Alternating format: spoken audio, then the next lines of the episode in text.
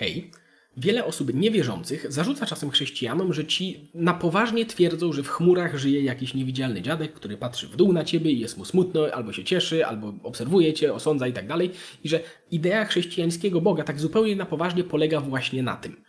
I tak szczerze mówiąc, widząc słowa albo zachowanie niektórych osób wierzących, no to ciężko mieć pretensje do osób niewierzących, które w taki sposób to postrzegają.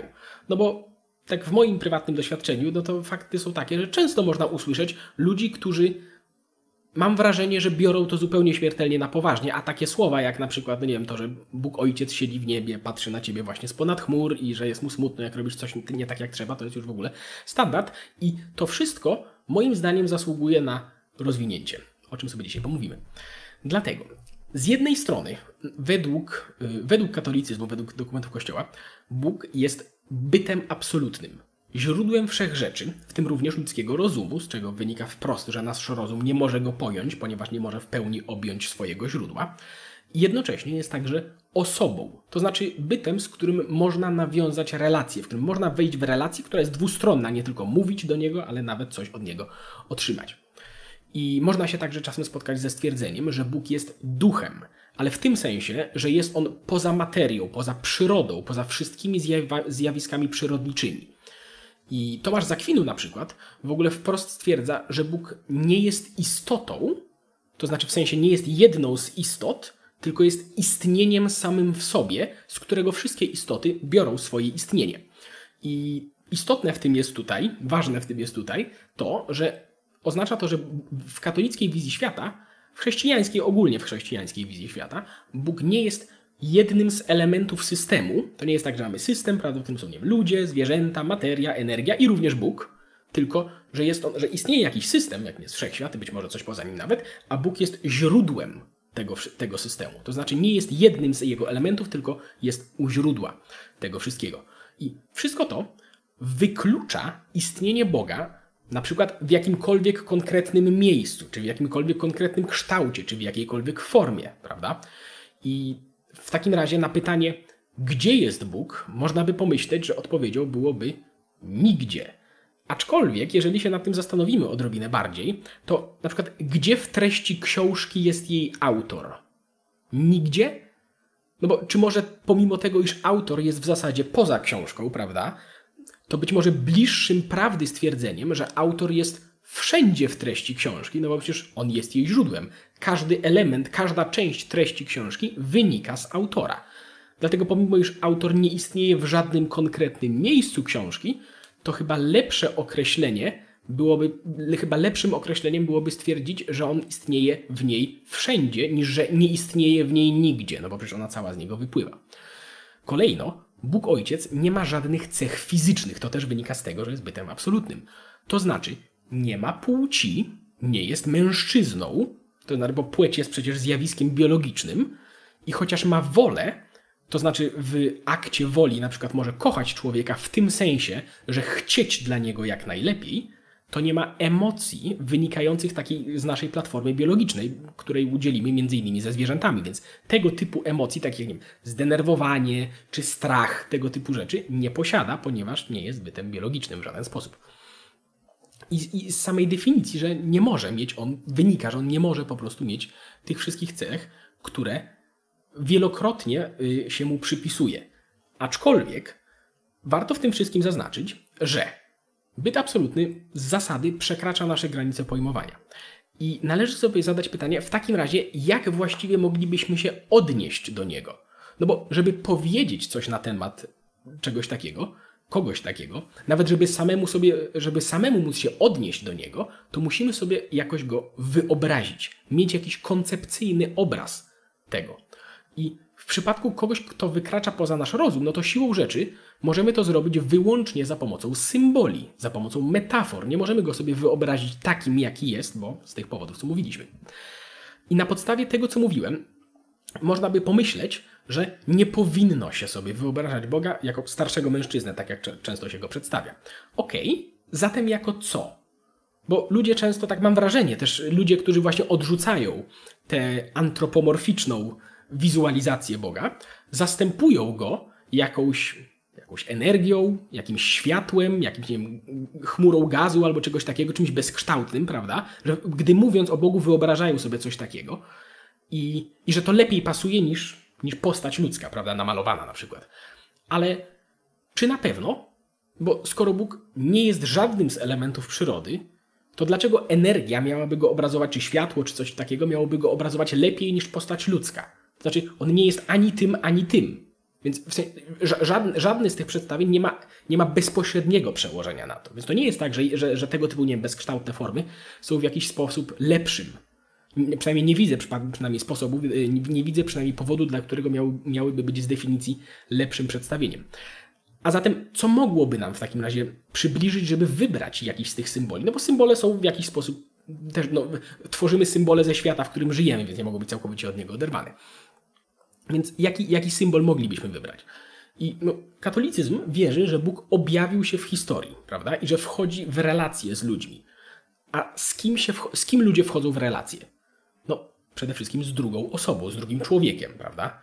Więc jeżeli chcielibyśmy zobrazować Boga jako kogoś, z kim wchodzi się w relacje, na przykład z ki, z, jako kogoś, z kim rozmawiasz, to nie jest niczym zaskakującym, że ktoś wpadł na pomysł, żeby przedstawić go jako człowieka. No bo jeżeli z tego co powodu, powodu, którego powiedziałem. Dodatkowo pochodzimy od niego, tak jak wszystko inne. Więc przez analogię można powiedzieć, że w pewien sposób jest on naszym rodzicem. Ok, ale jakim rodzicem? Czy na przykład ma bardziej matką, czy bardziej ojcem? No, można powiedzieć, że poza taką miłością rodzicielską, Bóg również stawia wymagania i ocenia cię, wyjaśnimy to sobie za chwilę, względem tego, co robisz. To znaczy, chciałby, żebyśmy się zachowywali w określony sposób. Chciałby, żebyśmy do niego powrócili ze swojego buntu wobec niego. Aczkolwiek nie musimy tego robić. A przez bycie moralnym absolutem również, przez fa sam fakt bycia moralnie doskonałym, by, pewnym absolutnym pewną absolutną doskonałością moralności, przez ten sam fakt osądza nasze istnienie, ponieważ nasza relacja wobec absolutu zawsze jest nieadekwatna, zawsze jesteśmy mniejsi od niego, zawsze jesteśmy czymś, na warstwie moralnej czysto nawet mówiąc, zawsze jesteśmy kimś, komu brakuje czegoś w stosunku do niego, przez co następuje osąd, bo on jest wyżej, my jesteśmy niżej. Więc to bardziej pasuje do figury ojca, tak mi się wydaje, do osoby sędziego być może nawet można powiedzieć. A kolejno, w jakim kierunku na przykład, w jaki sposób moglibyśmy się do niego zwracać? No, skoro jest absolutnym, ostatecznym, najważniejszym bytem, to naturalnym jest takim intuicyjnym, że jest czymś powyżej nas, czymś, co jest wyżej, co można sobie wyobrazić, jest w niebie. I no bo mamy takie ogólne przyjęcie, że wyżej jest lepiej, więc jeżeli ktoś jest najlepszy, najważniejszy, no to jest gdzieś na samej górze. W sposób metaforyczny oczywiście.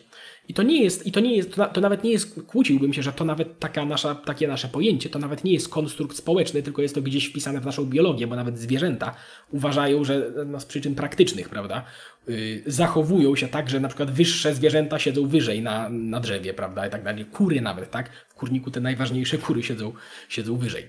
I z tego wszystkiego, co powiedzieliśmy, jaki obraz, jaki, jaki symbol może się wyłonić? Znaczy, z tego wszystkiego, co powiedzieliśmy, nie jest tak naprawdę bardzo daleko do obrazu starego mężczyzny siedzącego w chmurach.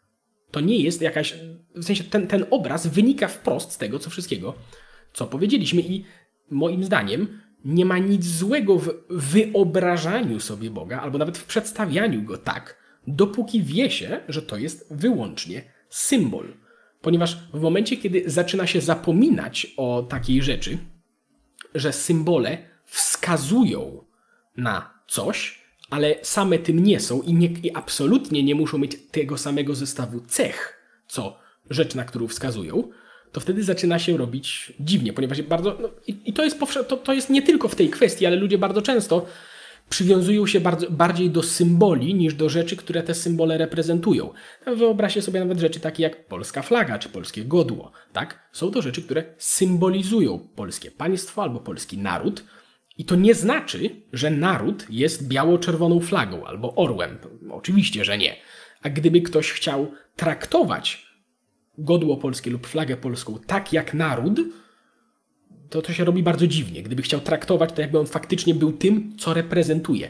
I tutaj wydaje mi się, że mamy w pewien sposób y, analogiczną sytuację, że to jest oczywiście ponownie ten symbol istnieją, y, tak jak prześledziliśmy, to, że ten symbol zos- został wybrany na reprezentowanie absolutu, nie jest przypadkowe i to ma pewien sens, aczkolwiek czy to znaczy, że to jest, nie wiem, jedyny albo obiektywnie najlepszy symbol, jakim można reprezentować absolut?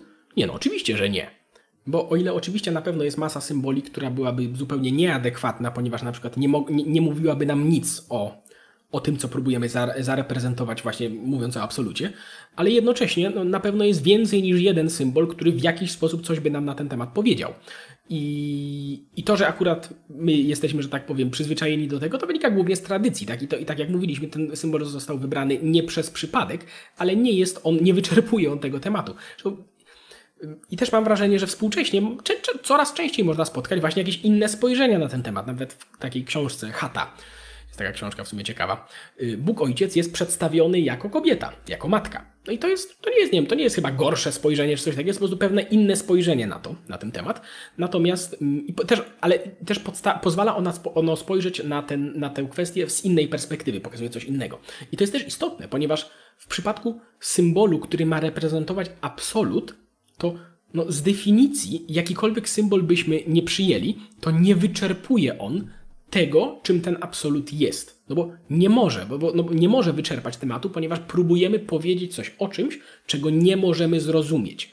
I do koncept, ale jednocześnie do konceptualizowania sobie takich rzeczy, jakieś symbole są po prostu niezbędne, więc czy nam się to podoba, czy nie, któregoś z symboli będziemy chcieli użyć. I tak jak mówiłem, używanie takiego symbolu, ani innego ma pewne swoje tradycyjne uzasadnienie, aczkolwiek po pierwsze nie jest on jedynym możliwym symbolem, jaki można tu używać, a po drugie koniecznie, kategorycznie należy pamiętać, że to jest symbol, a nie rzecz sama w sobie. No i to tyle. Jak zawsze zachęcam do komentowania, czy się zgadzacie, czy się nie zgadzacie, co byście dodali do tego tematu i do proponowania kolejnych tematów, które y, chcielibyście zobaczyć w tej serii, bo przypominam, że trwa seria, w której próbujemy zderzać takie być może powszechnie panujące, aczkolwiek niepoprawne przekonania na temat chrześcijaństwa z faktycznymi, fa, z faktycznym, y, faktycznymi rzeczami, które chrześcijaństwo głosi. Więc zapraszam do, do proponowania tematów i do usłyszenia. Hej! Jeśli chcesz być informowany o kolejnych odcinkach, to kliknij dzwoneczek powiadomienia, żeby żadnego nie przegapić. A jeśli chciałbyś pomóc w tworzeniu takich filmów, to zapraszam do wsparcia nas na Patronajcie. Do usłyszenia.